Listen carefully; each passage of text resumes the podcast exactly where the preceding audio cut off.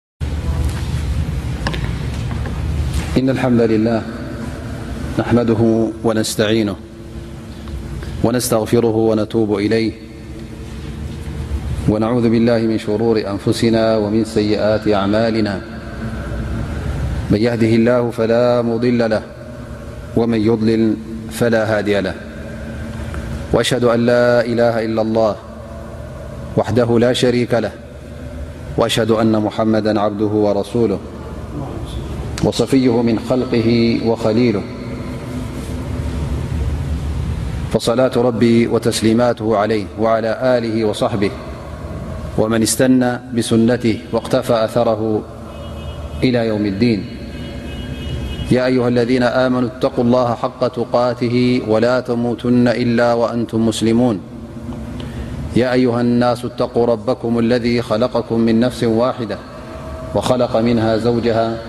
وبث منهما رجالا كثيرا ونساءا واتقوا الله الذي تسالون به والأرحام إن الله كان عليكم رقيبا يا أيها الذين آمنوا اتقو الله وقولو قولا سديدا يصلح لكم أعمالكم ويغفر لكم ذنوبكم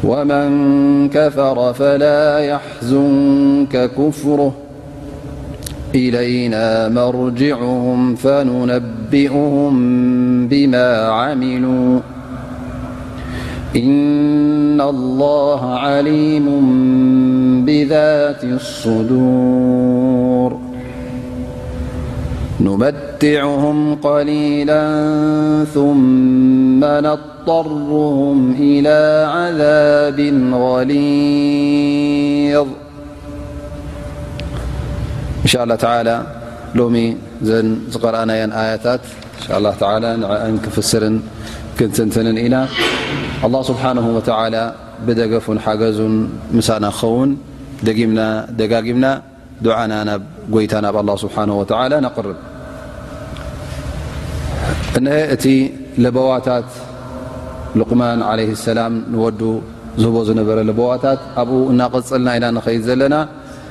ኣብቲ ዝሓለፈ ኣያታት ውን ሉቅማን ንወዱ ለበዋ ክቦ ከሎ ምስ ኣላ ስብሓን ወተላ ሽርካ ንኸይገብር እዚ ዓብዪ ገበንን ዓብዪ ዓመፅን ከም ምኳኑ ገሊፁ ከምኡ ውን ናይ ወለዲ ክብረት ክሕሉ ከም ዘለዎ ንወለዱ ንክልቲኦም ኣቦኡ ይኹን ኣዲኡ ከምኡ ውን እዚ ናይ ወለድኻ ምኽባርን ንዕኦም ምስማዕን እውን እዚ ክበሃል እንከሎ እዚ ነገር እዚ ደረት ከም ዘለዎ ገደብ ከም ዘለዎ እውን ኣላ ስብሓን ወተዓላ ገሊጹልና ማለት እዩ እሱ ከዓ እዞም ወለድኻ እዚኦም ንዕኦም ክትሰምዕን ንኦም ክትምእዘዝን ክበሃል እንከሎ እቲ ትእዛዝ ናቶም ምስ ናይ ኣላ ስብሓን ወተላ ዝገራጮ እንተ ደኣ ኮይኑ ቀዳምነት ነቲ ናይ ጎይታ ናይ ኣላ ስብሓን ወተላ ኢኻ ክትህብ ዘለካ ማለት እዩ እዚ ክበሃል እንከሎ ግን ወላ እውን ኣብቲ ናይ ዲን ፍልልይ እንተ ደኣ ኣሎ ኮይኑ ኣብ መንጎኻን ኣብ መንጎቶም ወለድኻን ኣብ ኣዱንያ ምስኦም ብሰላም ንኽትነብር ምስኦም ተሰማሚዕካ ንኽትከይድ እዚ ኣድላይ ከም ምኳኑ ኣላ ስብሓን ወተላ ክብረቶም ክትሕልወሎም ከዘለካ ወላ ውን እሶም ክሓቲ ኮይኖም ንስኻ በዓል ኢማን ኩን ዳኣ እምበር እቲ መሰል ናይ ወለዲ ክትሕልወሎም ኣለካ ማለት እዩ እዚኦም ክሓቲኦም ኩፋርዮም ወለደይ ኣይሁዳውያን እዮም ኢልካ እቲ ኣላ ስብሓን ወተላ ዝሃቦም መሰል ክትክልክሎምን ክትከልኦምን የብልካን ኣብ ርእሲኡ ውን እሀ ኣብዚ ኣያታት እዚ እውን ኣላ ስብሓን ወተላ እቲ ለቦዋታት ናይ ሉቅማን ዓለ ሰላም ኣብኡ ውን እናቐፀለ ይኸይዳ ኣሎ ማለት እዩ እነሀ ኣብዚ ኣያ እዚኣ ያ ቡነያ ይብሎ ማለት እዩ ኣንታ ወደይ ክመክረካ እደሊ እውን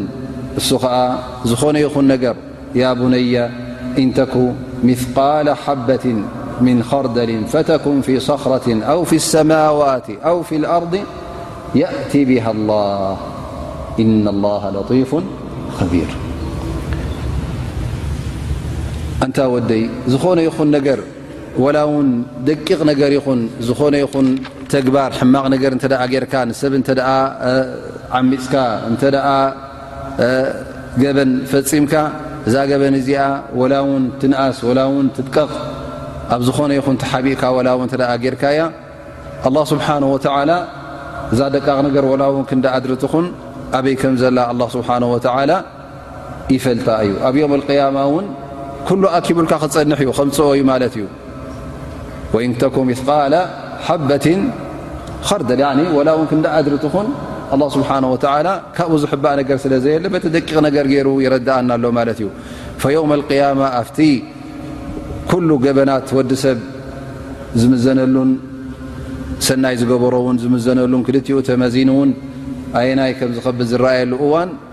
ኣላ ስብሓን ወተዓላ ኣብዚ መዓልቲ እዚ ከምፅኣ እዩ ማለት እዩ ድሕባእ ነገር የለን እዚኣ እንተ ደይንእሽተይኣ እዚኣ ደይንእሽተይ ዘንቢኣ እንታይ ኣለዋ እዚአን ደይውሑዳት ገንዘብ እየን እንታይ ኣለወን ኢልካ ዘይገንዘብካ ዘይማልካ ብዘይግቡእ ክትወስድ የብልካን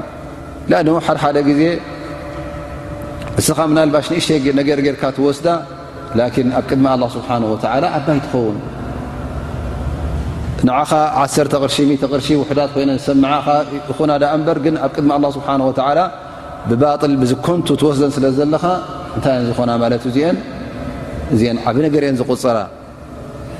ወላ ተእኩሉ ኣምዋለኩም በይነኩም ብልባል ወይ እውን ትወስደሉ ዘለኻ ውን ንኡ ዓባይ ነገር ትኸውን ዓ ቅሽታ ቅርሺ ትብላ ዘለኻ ን ዓባይ ትኸውን ንኻ ላ ውን ቀላል ኮይና ትሰምዓካ ዳኣ እምበር እሞ እዚ ሰብ ዚ ተዓሚፁ ስለ ዘሎ ዱዓ እውን እተ ገይሩ ዓ ውን ክበፅሕ እዩ ማለት እዩ ዝኾነ ይኹን ክጥንቀቕ ኣለካ የል ላ ስብሓን ወተላ ኣብ ሱረት ኣንብያ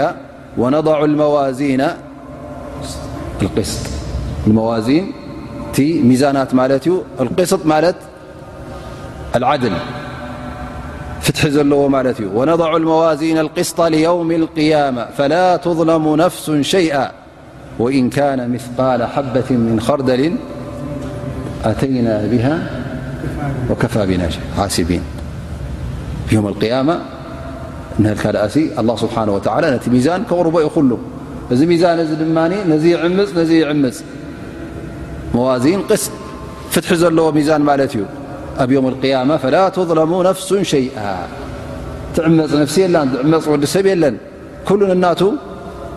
ክወስድ እዩ ማለት እዩ ትንኣስ ትዕበ ታገበን ክትፀንሓካ እያ ንእሽተ ያልካ ሱቕ ኢልካ ክትሓልፋ ሸለል ክትብላ የብልካ እቲ ዘንቢ ኩሉ ግዜ እቲ ወዲ ሰብ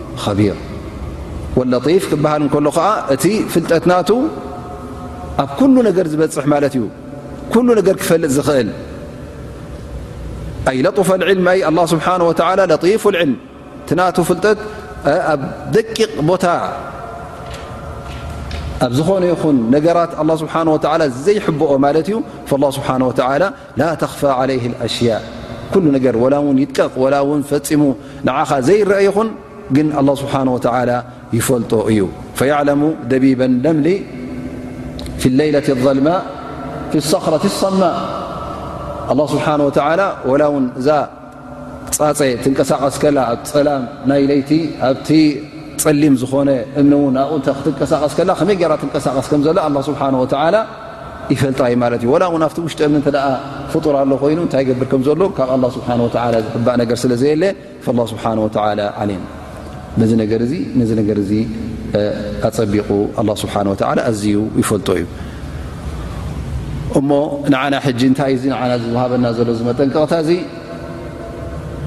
ተጠንቀቕ ዝኾነ ይኹን ትገብሮስ ነፍስኻ ክትቆጻጸር ኣለካ ኣላ ስብሓን ወተዓላ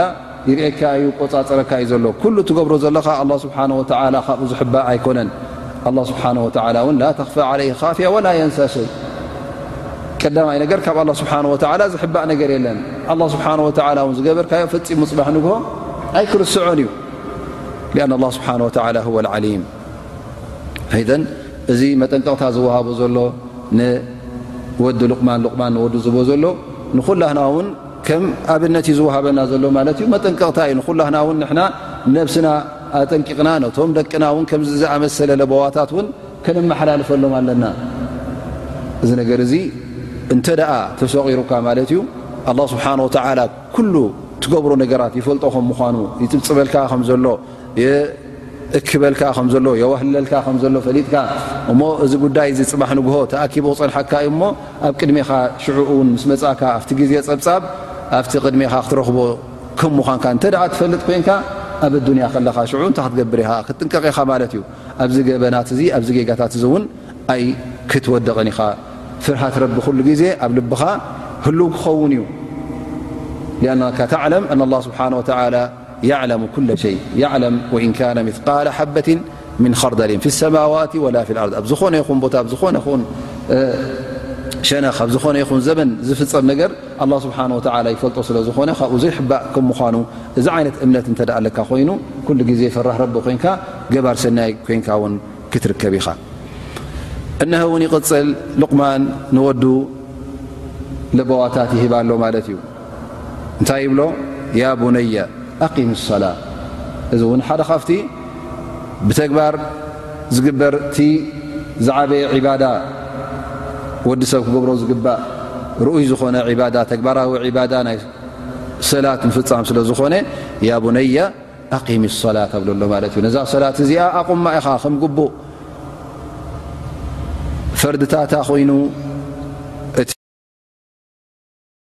እቲ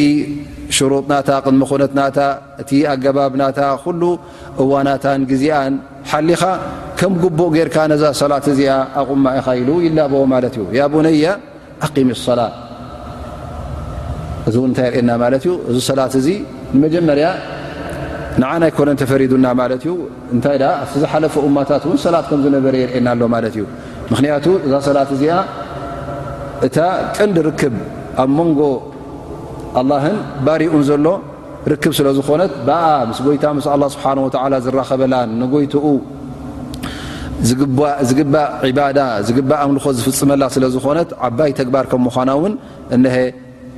ተገዲሱ ልቕማን ንወዱ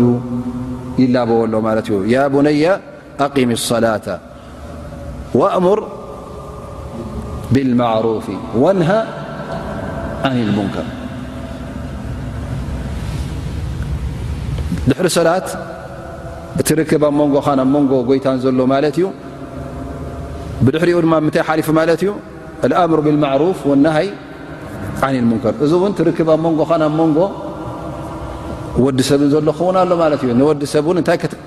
ክትገብረሉ ኣለካ ኣብ ጌጋ ክወድቕ እንተ ርኢኻዮ ኣብ ሙንከር ሙንከር ክፍፅም ሕማቕ ነገር ክፍፅም እንከሎ እንታይ ትብል እንታይ ገድሹኒ ባዕሉ ፈለጥ ትብል ባዕሉ ደይ ረቢ ክሓስቦ እንታይ ገድሹኒ ይበሃል እዚ ክበሃል የብሉ ኢነማ ተእሙር ብልማዕሩፍ ወተንሃ ዓን ልሙንከር ሰናይ ነገር ክግደፍ እንተ ርኢኻዮ ነዚ ሰናይ ነገር ባግበሩ ኢልናበልካ ንሰብ ትሕብር ንሰብ ትመክር ገበን ክፍፀም እተ ሪኻዮ ውን ነዚ ገበን እዚ ገበን ከም ምኳኑ ትገልፅ ገበን ኢልካ ውን ተጠንቅቕ ነዚ ነገር ውን ኣይትግበሩ ኢልካ ሕጂ እንደገና ውን እንታይ ትገብር ማለት እዩ ነቲ ህብረተሰብ እስኻ ትነብረሉ ዘለኻ ንዕኡ እውን ምስ ፅቡቕ ርክብ ኣለካ ማለት እዩ ትርክብካ ብረቢ ዝፈትዎ ዓይነት ርክብ ኮይኑ ማለት እዩ ሰናዮም ትደሊ ከይሮም ትደሊ ምክንያቱ ኣብ ጌጋ ክወድቕ እንከሎ ካብ ጌጋ ክትሕልዎ ከለኻ ሰናይ ነገር ገድፍ እከሎ ናብ ሰናይ ነገር ክትሕብሮ ከለኻ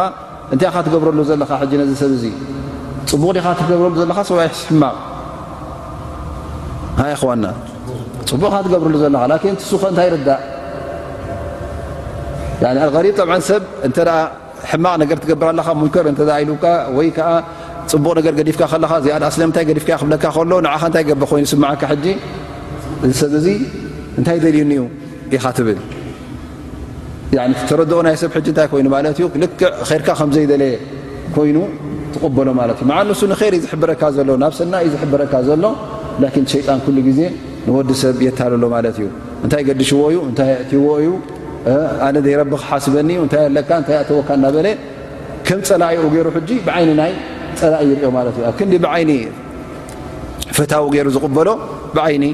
ፅልኢ ገይሩ ይቕበሎ ማለት እዩ እዚ ኣብ ኮላህና ዘሎ ጌጋ ማለት እዩ ክንጥንቀቀሉ ኣለና ማለት እዩ ከምዚ ገይሩ ዝሓበረካ ባረከላ ፊ ዛከላ ር ፅቡቕ ጌርካለይ ናብ ፅቡቕ ኣዘኻ ርካ ልልካ ክትቅበሎ ኣለካ ወላ ውን ነቲ እሱ ዝበለካ ይትፈፅሞ ላኪን እሱ ር እዩ ዝብለካ ዘሎ ር ዝሓበረካስ ር ክትምልሰሉ ኣለካ ዳኣ እንበር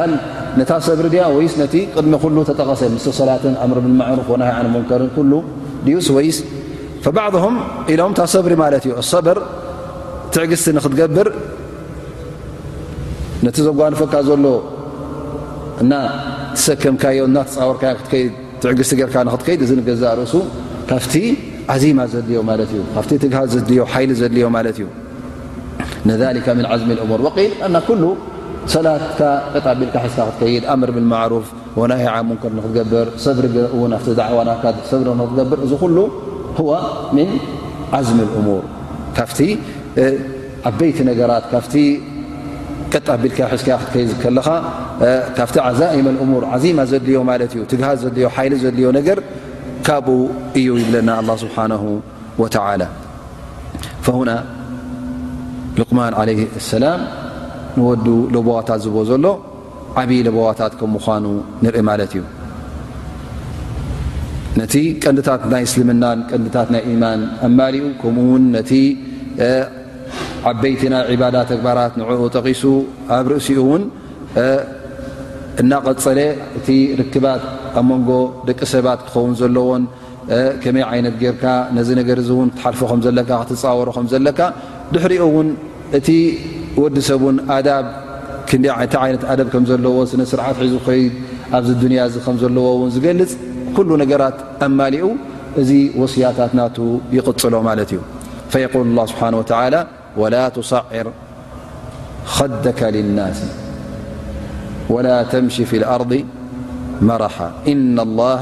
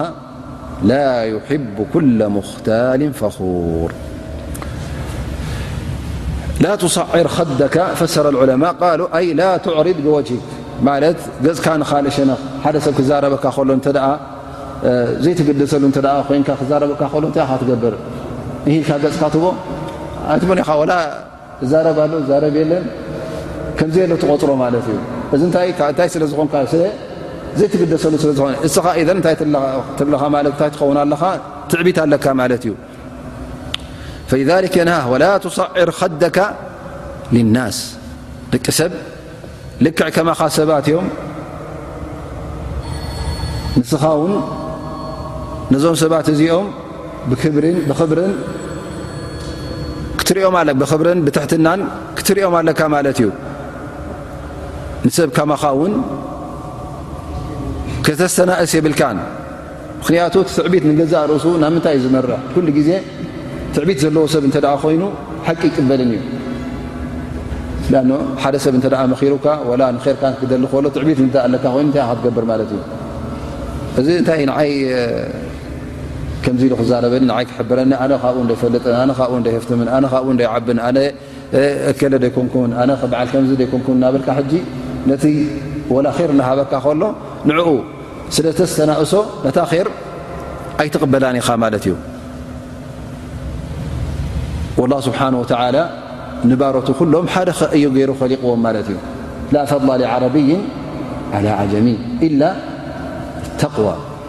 ብልፀት ክኸውን እተ ኮይኑ ሰብ ካብ ሰብ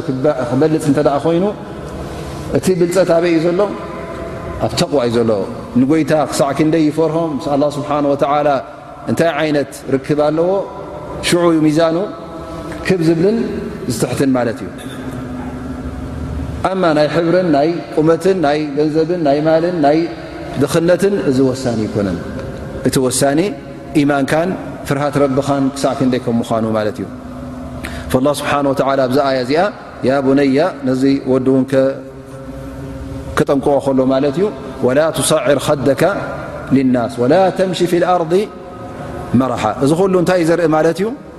ኩሉ ግዜ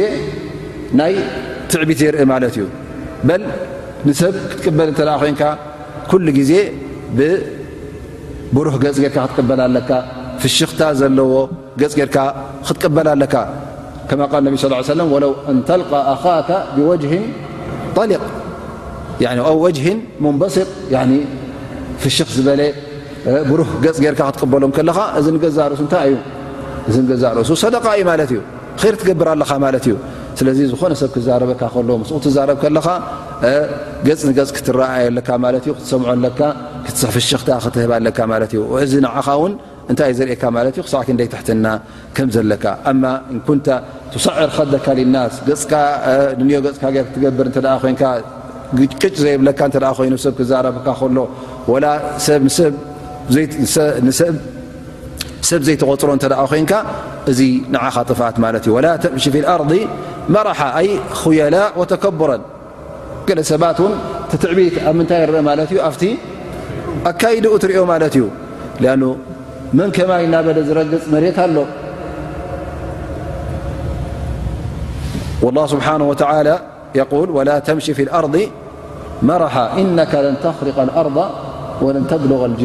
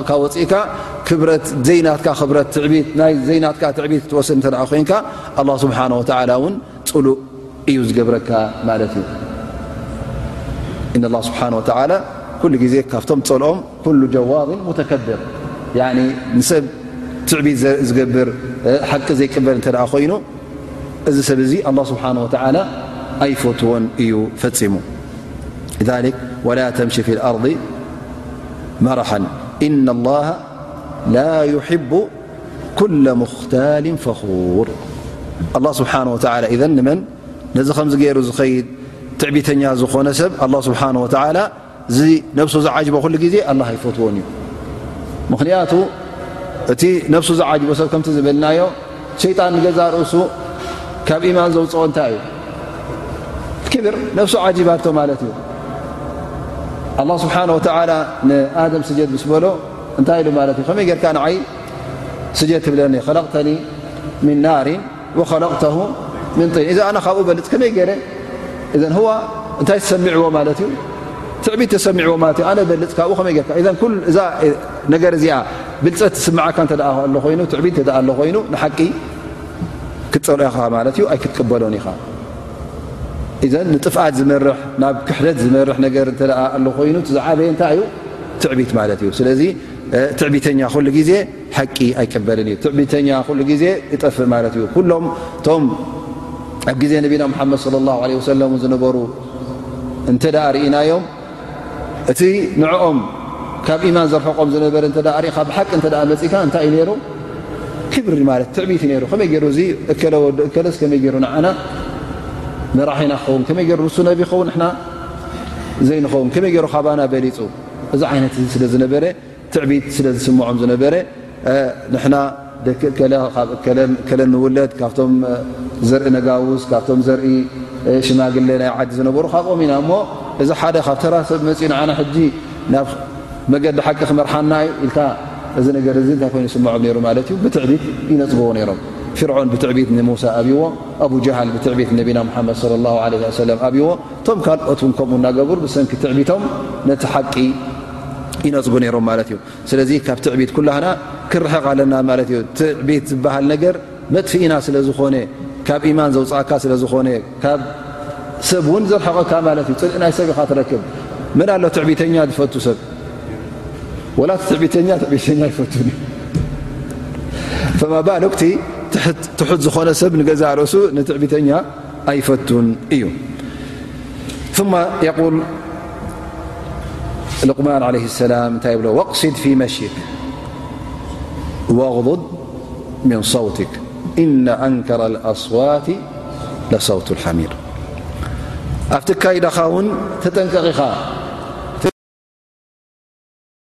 ካይዳ ውን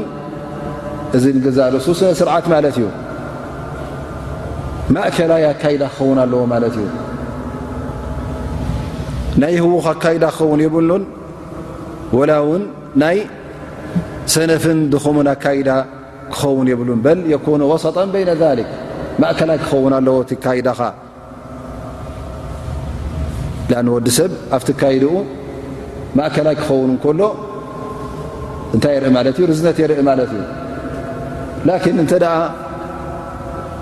ፀፋዕ ፀፋዕ ዝብል እተ ኮይኑ ወላ ቲ ሰብ ድር ከምኡ ክገብር ታይ ይ ፀፋዕ ፀፋዕ ዝብል ዘሎ ኢካ ትብል ኣይተቕበሉ ሃበይ ክበፅሕ ደልዩ ፈኢዘ ማዕና እንታይ ማለት እዩ ኩሉ ግዜ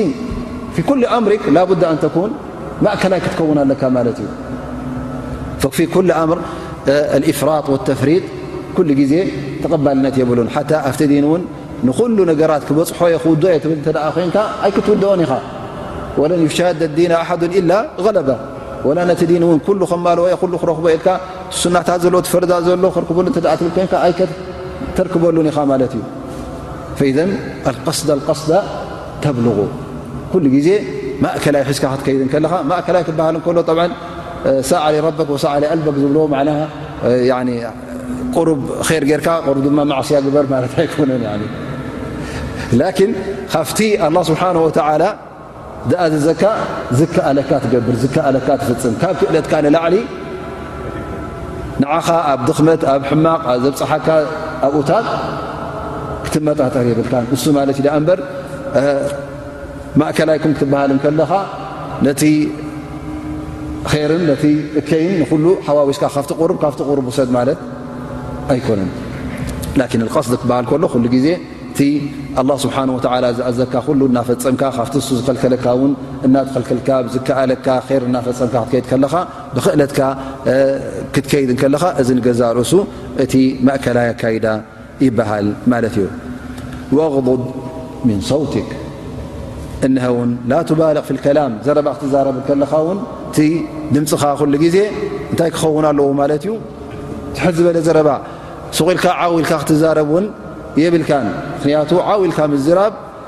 ፋይዳ ነይርዎ ተዝኸውን ናይ ድምፂ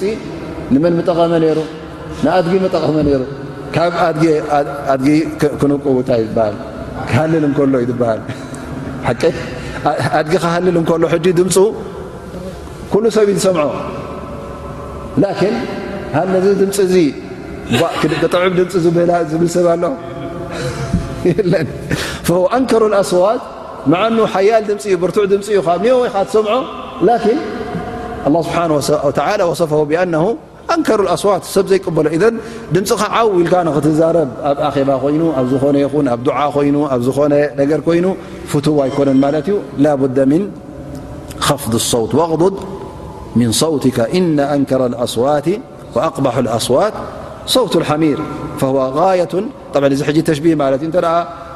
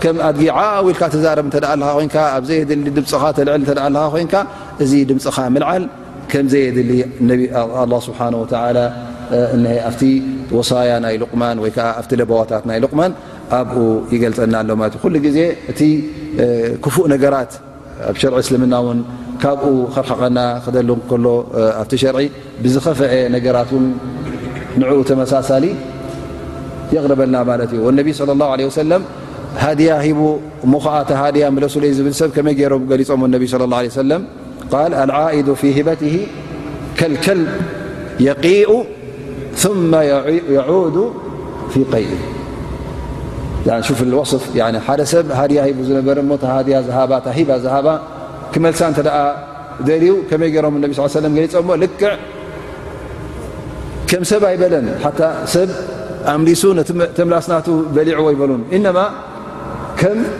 ከልቢ ገይሮም ገሊፆሞ ማለት እዩ ጠብዓ ከልቢ ንገዛእ ርእሱ ፀርፊ እዩ ሰብ ሓደ ከልቢ ክትብሎ ከለኻ ዘይፍቶ ፀርፊ ማለት እዩ እሞ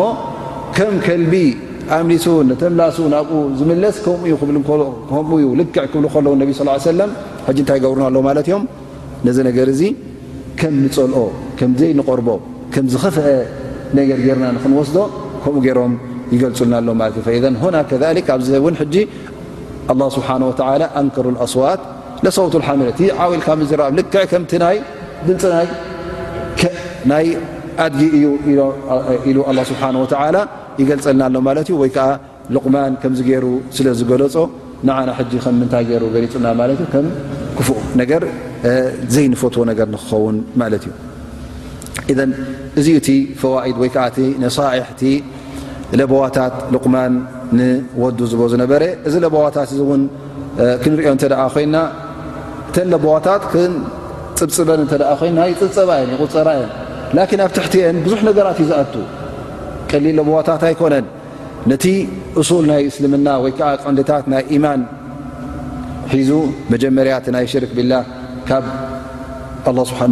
ምስ ኣላ ስብሓን ወተላ ሽርካ ምግባር ካብኡ ክጠንቅቆ ከሎ እዚ ትቐንዲ እዩ ማለት እዩ ካብኡ እተ ኣርሕዕካ እቲ ኢማንካ ኩሉ ተሓሊልካ ማለት እዩ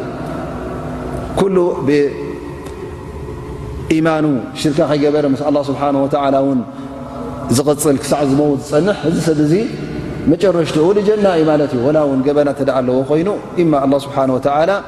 ይቕፍረሉ ማለት እዩ ወይ ከዓ በተን ዝገበረን ገበናት በአን ተቐፂዑ ናበይ ይሓልፍ ማለት እዩ ንጀና ክሓልፍ ማለት እዩ እዚኣታ ቐንዲ ነገር ክትሕዛ ዘለካ ማለት እዩ ንደቅኻ ውን ክትላበዋ ዘለካ ኩሉ ግዜ ክትርስዓ ዘይብልካ ንዕኦም ክተመሓላልፋ ዘለካ ማለት እዩ ምክንያቱ ብዙሕ ግዜያት ነዚ ነገር እዚ ንርስዖ ኢና ማለት እዩ ነቶም ደቅና ለቦዋ ክንቦም ከለና ኣብ ደገይ ተምስዩ ወይ ከዓ ምስክስቲ ብዝእከለይ ትኺዱ ወይ ከዓ ከምዙ ትፃወቱ ከምዙ ትግበሩ ኢልካ ኣብ ምንታይ ትዛረብ ማለት እዩ ኣብቲ ጨናፍር ጥራይ ትዛረብ ማለት እዩ ወተንሳ ተቐንዲ እውን ትርስዕ ማለት እዩ ጉዳይ ናይ ኢማን ቢላ ስብሓን ወተላ እቲ ምስ ጎይታ ምስ ኣላ ስብሓን ወተላ ሽርካ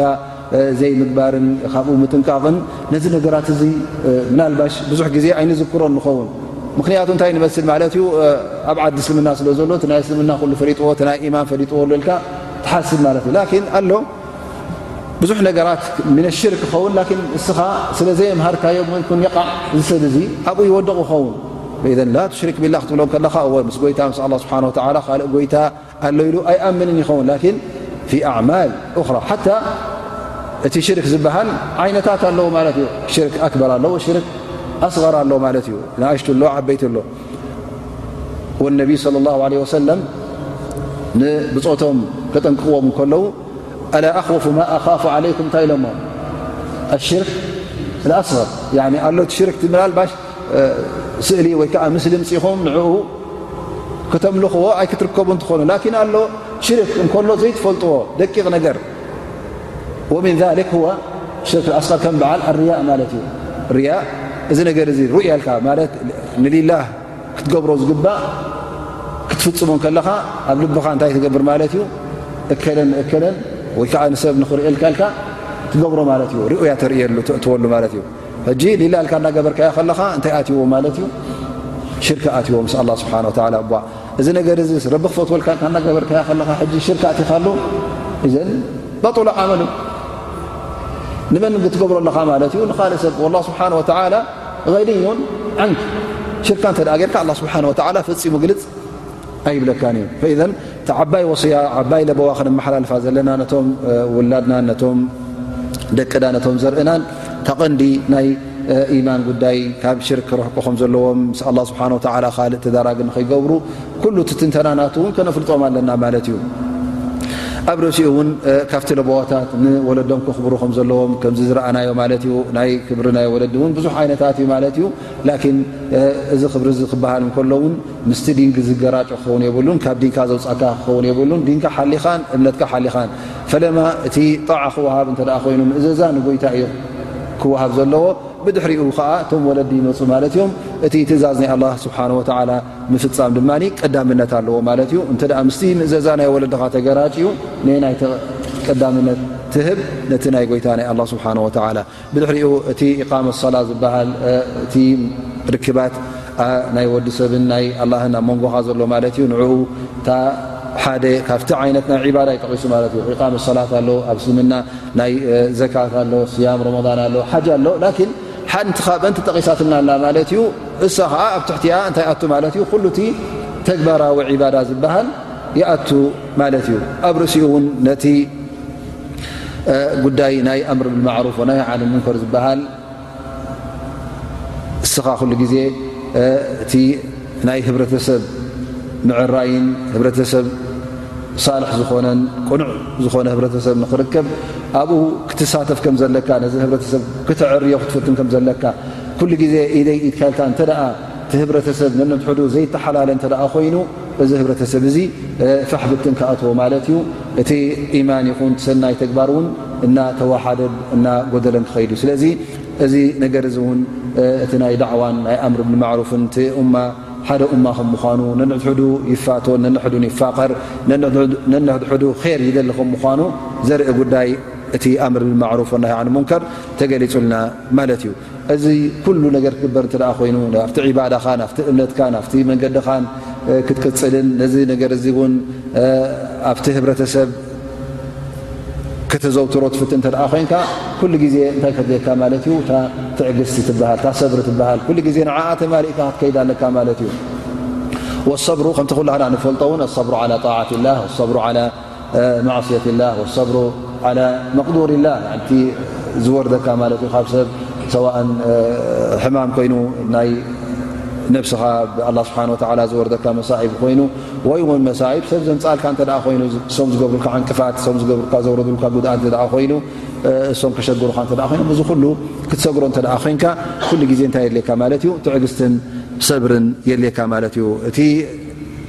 እስልምና ንገዛእ ርእሱ ብኹሉ ተቐይድካ ክትከይድ እንተ ኮንካ ሰብሪ የድልየካ ማለት እዩ ካብቲ ረቢ ዝፀልኦ ነገራት እውን ክትርሕቕ እንተ ኮንካ ብሰብሪ ኢኻ ኩሉ ግዜ ነዚ ጉዳይ እዚ ትሰግሮ ኢዘን ትወሳያ ናይ ሉቕማን እቲ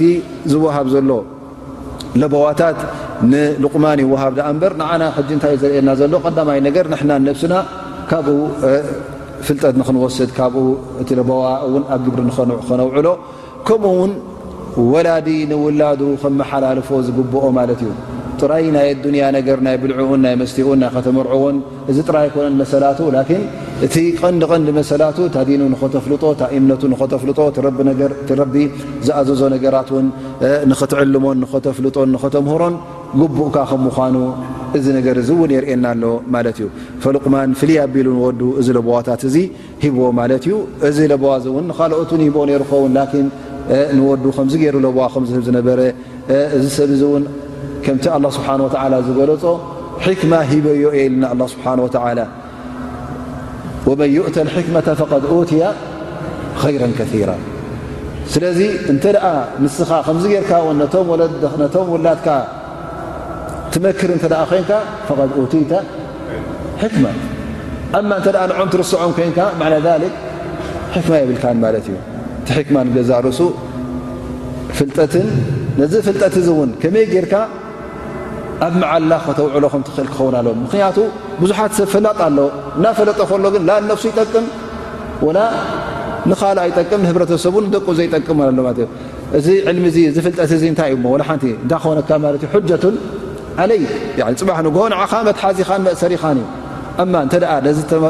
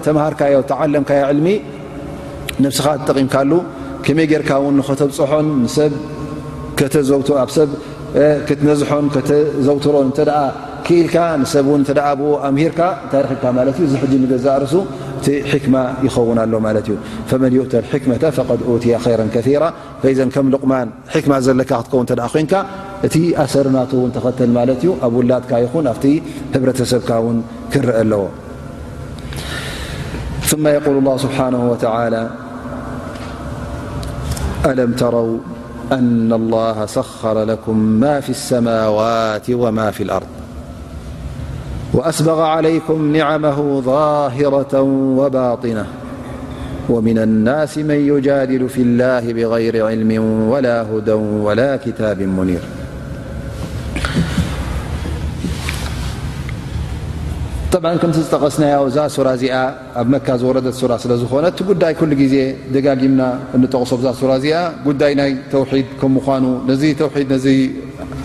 ናይ ኣላ ስብሓን ወተዓላ ሓደነትን ናይ ኣላ ስብሓን ወተዓላ ኣምልኾት ንዕኡ ጥራይ ክኸውን ከም ዘለዎ ዘረጋግፅ ጉዳያት ከም ዘማልአት እዛ ሱራ እዚኣ እውን ንገልፅ ማለት እዩ ላ ስብሓን ወተዓላ እነሀ የዘኻኽረና ኣሎ ኣለም ተረው ሰዋእን ካን ብኣዕዩኒኩም ብዓይንኹምን ብፍልጠትኩምን ትርእዩ ዶ የለኹምን ኣላ ስብሓን ወተላ ኣብ ሰማያትን ኣብ መሬትን ዘሎ ነገራት ንዓኹም ገይርዎ ሰኸረ ለኩም ማ ፊ ሰማዋት ወማ ፊ ልኣርض ኣብ ሰማያት ዘሎ ኩሉ ነገራት ንዓኹም ከም ትጥቀምሉ ኣብ መሬት ዘሎ ውን ንዓኹም ከም ትጥቀምሉ እዚ ከዋክብትን እዚ ወርሕን ፀሓይን ግመን ትሪኦ ዘለካ ኣብ ልዕሌካ ብ ሰማያት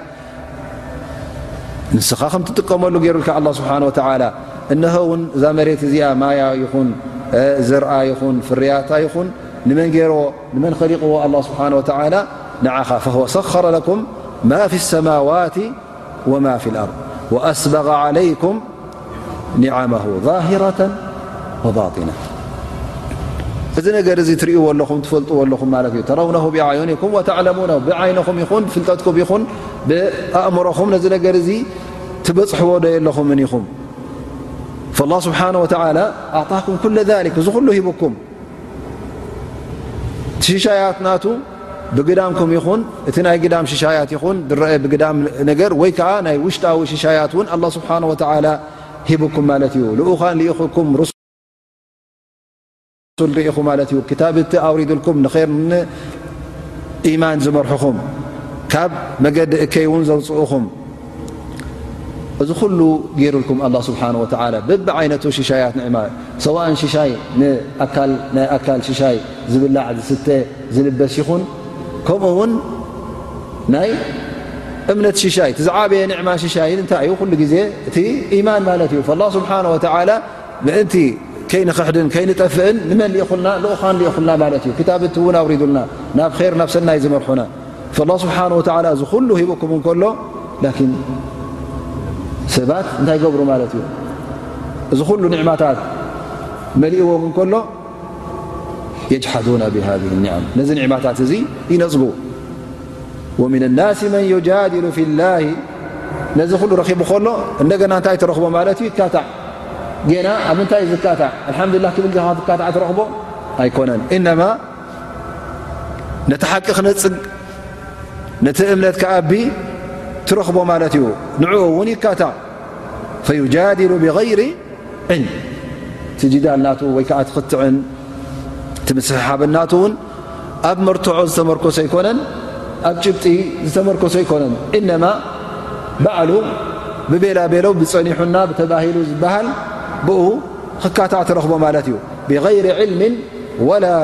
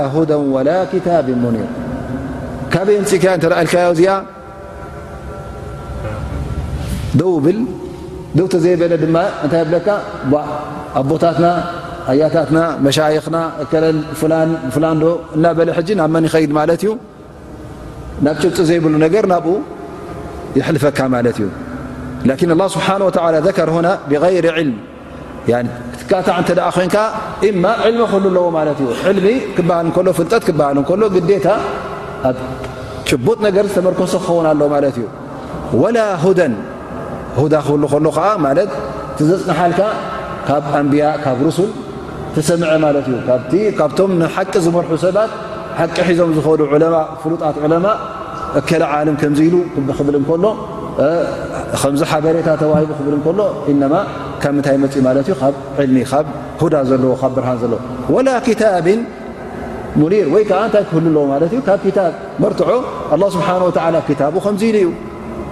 ኢሉ ክፅንሓ ኣለዎ ማለት እዩ እዘን ሃኡላ ላኪን እዞም ሰባት እዚኦም ክካትዑ ከሎቶም ካሓቲ ካብዚ ኩሉ ባዶ እዮም ማለት እዩ ዩጃድል እካታዕ ትረኽቦ ላኪን ለይሰ ለ ዕልም ላ ዕልሚ ፍልጠት የብሉ ወላ ውን ሁዳ የብሉ ላ ውን ናብ ር ናይ ር ነገር ዝሓዘ እውን የለን ወላ ውን ክታብ እውን ጭብጢ ነገር ዝሓዞ የብሉን ለው ካነ ማዓሁም ክታብ ኣው ካነ ማዓሁም ሁዳ ኣው ካነ ማዓሁም ዕልም እዚ ምተቐበልናዮም ነርና ማለት እዩ ላኪን እዞም ሰባት እዚኦም ዘብርህ ክታብ ስለ ዘይብሎም ፅሑፍ ነገር ኣላ ስብሓን ወተዓላ ስለ ዘይብሎም እዞም ሰባት እዚኦም ሓቂ የብሎምን ማለት እዩ ሊዛሊክ ኣላ ስብሓን ወተዓላ ይጠቕሶም ኣሎ ኣምፅኣቢሉ እዞም ዕልሚ ዘይብሎም እዞም ብዘይ ዕልሚ ዝካትዑ መን እዮም